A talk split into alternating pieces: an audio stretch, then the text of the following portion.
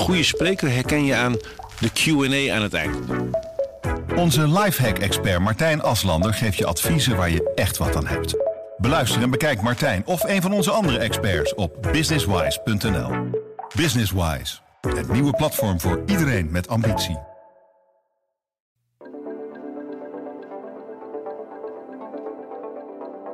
Deze reeks aan explosies had 23 seconden moeten duren. En uit videobeelden blijkt dat in 5 seconden alles is ontploft. Vanaf de redactie in Vlissingen is dit de PZC deze week. Mijn naam is Rolf Bosboom. Eerder dit jaar liep het opblazen van de middensluis in Terneuzen volkomen uit de hand. Inmiddels is het onderzoek naar de oorzaak klaar. Verslaggever Ernst-Jan Roosendaal zocht uit wat er in het rapport staat. Hoe kon het zo misgaan? Zagen deskundigen dit niet gewoon van tevoren aankomen? De plof in Terneuzen, die uh, ruim een half jaar geleden plaatsvond. Er moest een uh, damwand van de oude zeesluis worden uh, opgeblazen, omdat er een nieuwe grote zeesluis wordt aangelegd. Dat had eigenlijk een rimpeling in het water moeten veroorzaken. Maar in plaats daarvan werd het een enorme ontploffing met rondvliegend puin en schade aan 200 huizen. En het heeft ja, een half jaar geduurd voordat uit een onderzoek is gebleken wat daar nou precies fout ging. Een hele spraakmakende kwestie. Het gebeurde volgens mij ergens in maart, 23 maart als ik me goed herinner. Uh, neem ons eens terug naar die dag. Wat gebeurde en wat was eigenlijk de aanleiding om dit te moeten doen? Nou, er moet dus uh, een deel van de oude zeesluis moet worden uh, opgeruimd. Er komt een hele grote zeesluis die, uh, ik geloof, bijna een miljard euro kost. Om de doorgang van grote zeeschepen richting Gent mogelijk te maken. dan moest een oud stuk, ja, een oude damwand moest worden opgeruimd onder water. Daar is een speciale techniek voor om onder water bouwwerken op te blazen. Uh, er zijn maar een paar springmeesters uh, uh, die daarvoor een certificaat hebben ehm, in Nederland. Waaronder een, een, Vlaamse springmeester die dus deze explosieven heeft geplaatst. Nou ja, net wat ik zeg, we hadden zelf niet eens een ehm, videocamera er naartoe gestuurd. Want ja, het idee zou zijn, het blijft ook onder water. Dus inderdaad een soort rimpeling en misschien een geluidje van... en dan zou het klaar zijn. Ja. Ja, daar hadden we natuurlijk uh, naderhand spijt van. Want als je daar een, uh, een videocamera op had uh, gericht, en er zijn ook wel videobeelden van, dan zie je dat het een enorme spectaculaire explosie is. ja, alsof je in de Oekraïne zit, terwijl daar een fort door de Russen wordt gebombardeerd. Er wordt gewoon een, een, een muur springt compleet uit elkaar. Puin vliegt in het rond. Uh, wel binnen de veilige zone. Dus uh, um, er zijn geen uh, mensenlevens in gevaar gebracht. Maar ja, het liep gewoon enorm uit de hand. Ja. En uiteindelijk ook wel veel schademeldingen dus. Ja, die kwamen, die druppelden binnen, maar ehm, dat werden er toch steeds meer. En uiteindelijk iets van 200 schademeldingen. Nou is het niet zo dat, dat huizen compleet ontwricht zijn of zo. Het gaat om wat ze uh, dan eigenlijk noemen esthetische uh, schade. Dus kapotte ruiten, scheuren in de muren, uh, dat soort zaken. Maar bij elkaar toch flink wat, ja. En leidde dat destijds tot verontwaardigde reacties? Waren mensen boos, verbaasd? Hoe, hoe, hoe ging dat? Nou, volgens mij ehm, viel dat op zich wel mee. Ik denk dat er een soort van verrassing en ook wel enige schrik was bij uh, bewoners natuurlijk. Als je daar uh, niet zo ver vandaan woont en ineens loopt er een scheur in je muur. Aan de andere kant, net wat ik zeg, het, uh, bij sommige huizen was het misschien ook wel zo van ja, zat die scheur er nou eerder al wel in of niet? Dus, dus niet per se heel verontwaardigde reacties, maar wel heel veel verwondering van hoe kan dit zo gaan? En uh, ja, ik heb toen zelf een Zeeuwse springmeester uh, gebeld. Een van de weinigen die uh, dus ook gecertificeerd is om dit te doen. En sterker nog, hij had de proefschoten gedaan in Terneuzen. Proefschoten zijn eigenlijk eh, eh, de, de ontploffingen waarmee ze gaan kijken van hoeveel explosieven hebben we precies nodig, op welke afstand van elkaar moeten we die in die muur eh, stoppen. Nou ja, dat je een, een indicatie krijgt van zo moet je het opbouwen, dan gaat het veilig. En ja, die uh, brandde meteen los, want daar was wel degelijk uh, verontwaardiging bij. En die uh, zei dus van ja, het is echt belachelijk, hier hebben ze een zootje van gemaakt. Ze hebben veel te veel springstof gebruikt. Hij dacht toen zelfs twee keer te veel. En hij zei van de afdekking was niet goed. Als je zo'n wand onder water opblaast, dan dek je hem af, omdat er natuurlijk door de springstof ja, wil dat puin wil weg. En om dat dus uh, te voorkomen dat dat rond gaat vliegen, dek je het af. En in zijn ogen had dat met dikke uh, springmatten moeten gebeuren. En ja, hij noemde het een stukje gaas wat ze hadden gebruikt. En zijn derde opmerking was: de interval tussen de verschillende explosies was niet voldoende. En je moet je voorstellen dat er een reeks aan explosieven afgaat, zodat je een soort domino-effect krijgt. En dan, pop, pop, pop, dan is die muur weg. Maar als die explosies te dicht op elkaar zitten, dan krijg je meer het effect van één hele grote bom. Ja, en dan gaat het allemaal kapot. Ja. Maar dat waren dus zijn vermoedens. Ja, wel, wel de, de vermoedens van een deskundige. Ja.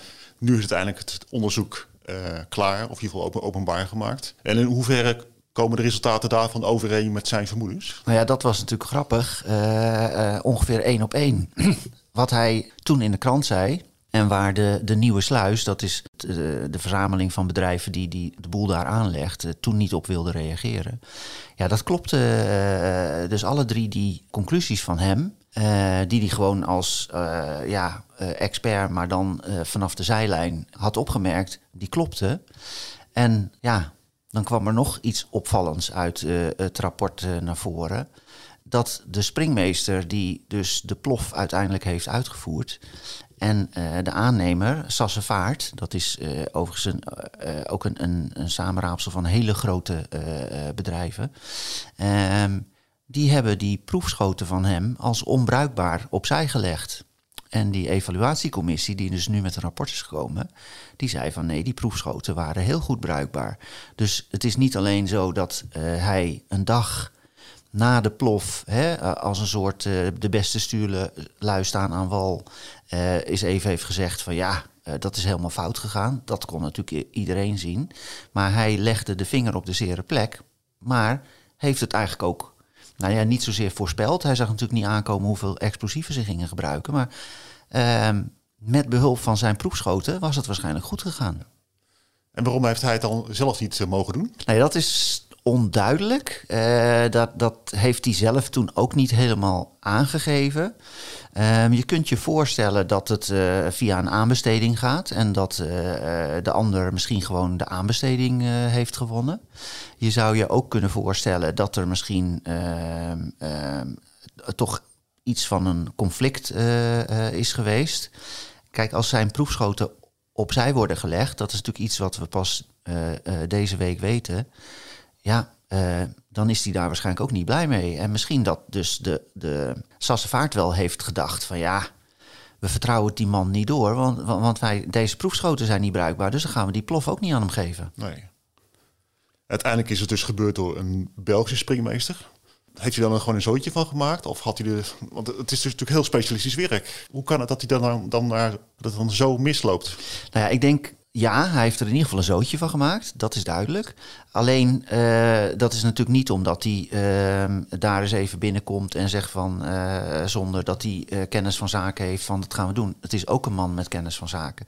Dus ik denk wel dat je te maken hebt van met een gedeelde verantwoordelijkheid. Want wat blijkt nu bijvoorbeeld, er is een verkeerde berekening gebruikt, een verkeerde formule gebruikt om te berekenen hoe zwaar de trillingen zouden zijn. Dus je hebt kennelijk uh, verschillende formules die uh, zegt van als de ondergrond hard is, dan gebruiken we deze formule en dan kunnen we berekenen hoeveel uh, springstof we nodig hebben en hoe we dat over die muur moeten verdelen. De formule die ze gebruikt hebben is er inderdaad één voor een harde ondergrond. Ja. Terwijl daar de ondergrond juist zacht is, verzadigd door water, geen gewapend uh, beton, een oude muur, deels ook uh, hout. Dus er had een formule gebruikt moeten worden die je toepast bij een, nou ja, in ieder geval aanmerkelijk zachtere ondergrond. Ja. Ik kan me voorstellen dat het een gedeelde fout is, want wie heeft er nou meer verstand van die ondergrond daar? De springmeester of de Sassevaart, de aannemingscombinatie die daar de boel uh, uh, uit moet voeren. Nou, het lijkt mij de aannemer. Dat vervolgens dan de springmeester de verkeerde uh, formule pakt en toepast. En dus veel te veel springstof gebruikt. Ja, dat is dan een beetje verklaarbaar. Blijft ook nog steeds zijn fout, denk ik. Omdat ze gewoon niet naar die proefschoten hebben gekeken. Ja. Maar ook het feit, wat je net vertelde, dat, dat die explosies veel te kort op elkaar zaten. Dan kan ik zelfs als leek kan ik wel bedenken dat het dan gevaarlijker is dan wanneer het verspreidt over een, langere periode. Ja, maar dat is heel complex. Uh, heb ik ook pas deze week uh, begrepen hoor. Uh, en en daar staan ook dingen in over daar, daarover staan ook dingen in dat evaluatierapport. en dat is ook het, het lastigst uh, te lezen uh, deel. Het gaat eigenlijk om een combinatie van variabelen. Dus het gaat om de zwaarte van je springstof. Het gaat om hoe diep je de gaten maakt in de muren. Het gaat geloof ik zelfs om de vorm van de gaten. En het gaat om de afstand van de gaten. En ehm, deze reeks aan explosies had 23 seconden moeten duren. En uit videobeelden blijkt dat in 5 seconden alles is ontploft. Maar dat betekent dus niet dat ehm, de springmeester het wilde dat het in 5 minuten uh, ging ontploffen. Nee, zijn tussenpozen hebben eigenlijk niet gewerkt. Omdat de springstof te zwaar was, heeft de ene explosie de volgende op gang gebracht. Dus de timer, de, laat ik zeggen, de, de springstoflading wachtte niet meer op de timer, maar ging al af. Ja.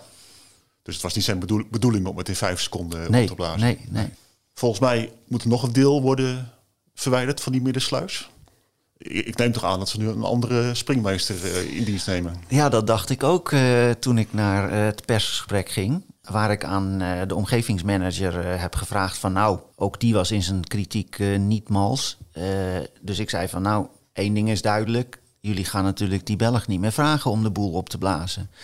Nou, tot mijn verrassing bleek dat dat best is degene zou kunnen worden die het gaat doen. Ik zou zeggen van ze, ze, wijken vast weer uit naar die Zeeuwse springmeester ja. die, die, die die proeven heeft gedaan. Maar ik denk dat daar een, een onderhandelingstraject onder zit. Hoe zit het met aansprakelijkheid uh, bijvoorbeeld? Um, ik denk ook dat er een meningsverschil is tussen die springmeester en uh, Sassevaart van wie had hier de grootste verantwoordelijkheid voor de fout. Hè? Als je het bijvoorbeeld hebt over uh, ja, wie weet hier het beste mm -hmm. um, wat voor een ondergrond dit is. En dat evaluatierapport heeft dus een aantal aanbevelingen opgeleverd. Eigenlijk een lijstje van let hierop, let hierop, let hierop, let hierop. Vooral minder springstof, uh, let op de intervallen. En dezelfde commissie die die evaluatie heeft gedaan, die gaat het volgende springplan eerst beoordelen en dan de gemeente ten neuze adviseren van hier kun je mee uh, doorgaan of dit moet je niet doen. Als je vanuit dat oogpunt bekijkt, ja, dan is het bijna onmogelijk dat dezelfde springmeester nog een keer allezelfde fouten gaat maken. Ja. Maar het blijft opmerkelijk natuurlijk. Is al bekend wanneer het gaat gebeuren? Het uh, zou uh, voor het eind van het jaar moeten gebeuren. Dus er wordt nu een nieuw plan opgesteld. Dus ja, december waarschijnlijk. Dus dan kan Teneuze weer, zich weer opmaken voor of een grote plof of een rimpeling in het water? Nou ja, dat is natuurlijk uh, um, de logische vraag van ja, als je daar in de buurt woont en zeker als je nog eens een keer weet dat uh, dezelfde springmeester daar even een muurtje komt opblazen, ik zou er niet helemaal gerust op zijn. Maar ik denk dat wel uh, de, de, de nieuwe sluis wel goed zal communiceren dat het echt wel degelijk anders is. Mm -hmm. En zoals ze het zelf ook zeggen, de controle die de vorige keer niet aanwezig was en die eigenlijk ook logischerwijs niet aanwezig was hoor. Want hoe vaak ga je in een gemeente onder water iets opblazen? Dan haal je er een expert bij. En je hebt natuurlijk zelf niet de mensen in huis die kunnen controleren of de expert er echt verstand van heeft. Maar die expert heeft, wel een certificaat waaruit blijkt dat hij er verstand van heeft. Dus je vertrouwt uh, ja, zoals ze het hier noemden, op de blauwe ogen van de springmeester. Mhm. Dat willen ze nu niet meer. Dus die commissie met externe experts, die gaat meekijken. Dus je kunt ook wel aan de omwonenden duidelijk maken van nou, het is echt heel onwaarschijnlijk hoor dat het weer fout gaat. En het gaat natuurlijk ook meestal niet fout. Ook vorige keer dachten we van, nou ja, we merken er bijna niks van. Nee. In ieder geval zal jij of een van onze collega's intensief toekijken of het inderdaad nu wel goed gaat. We gaan nu natuurlijk een eh, camera op een statief zetten. Terwijl we bijna zeker weten dat het dit keer toch zeker een eh, rimpeling in het water wordt. Ja. Dit was de PZC deze week. Je hoorde Ernst Jan Roosendaal. Mijn naam is Rolf Bosboom. Tot volgende week.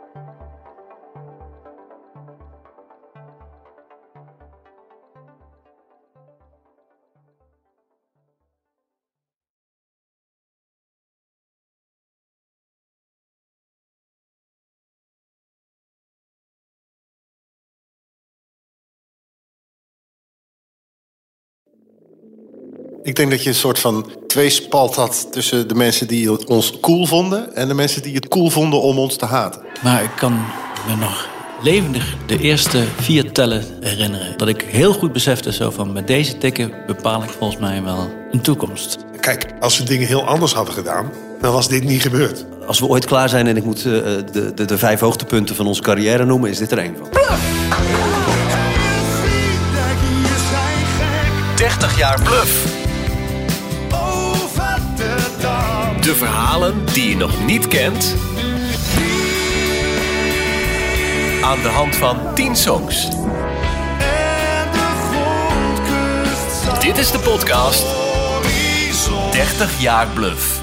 Waaraan we verdwijnen. Met Peter, Bas, Norman en Pascal. Nu in elke podcast-app. Mensen luisteren niet naar wat je zegt, maar kopiëren wat je doet.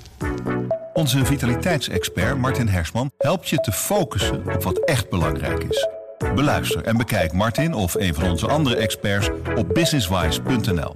Businesswise, het nieuwe platform voor iedereen met ambitie.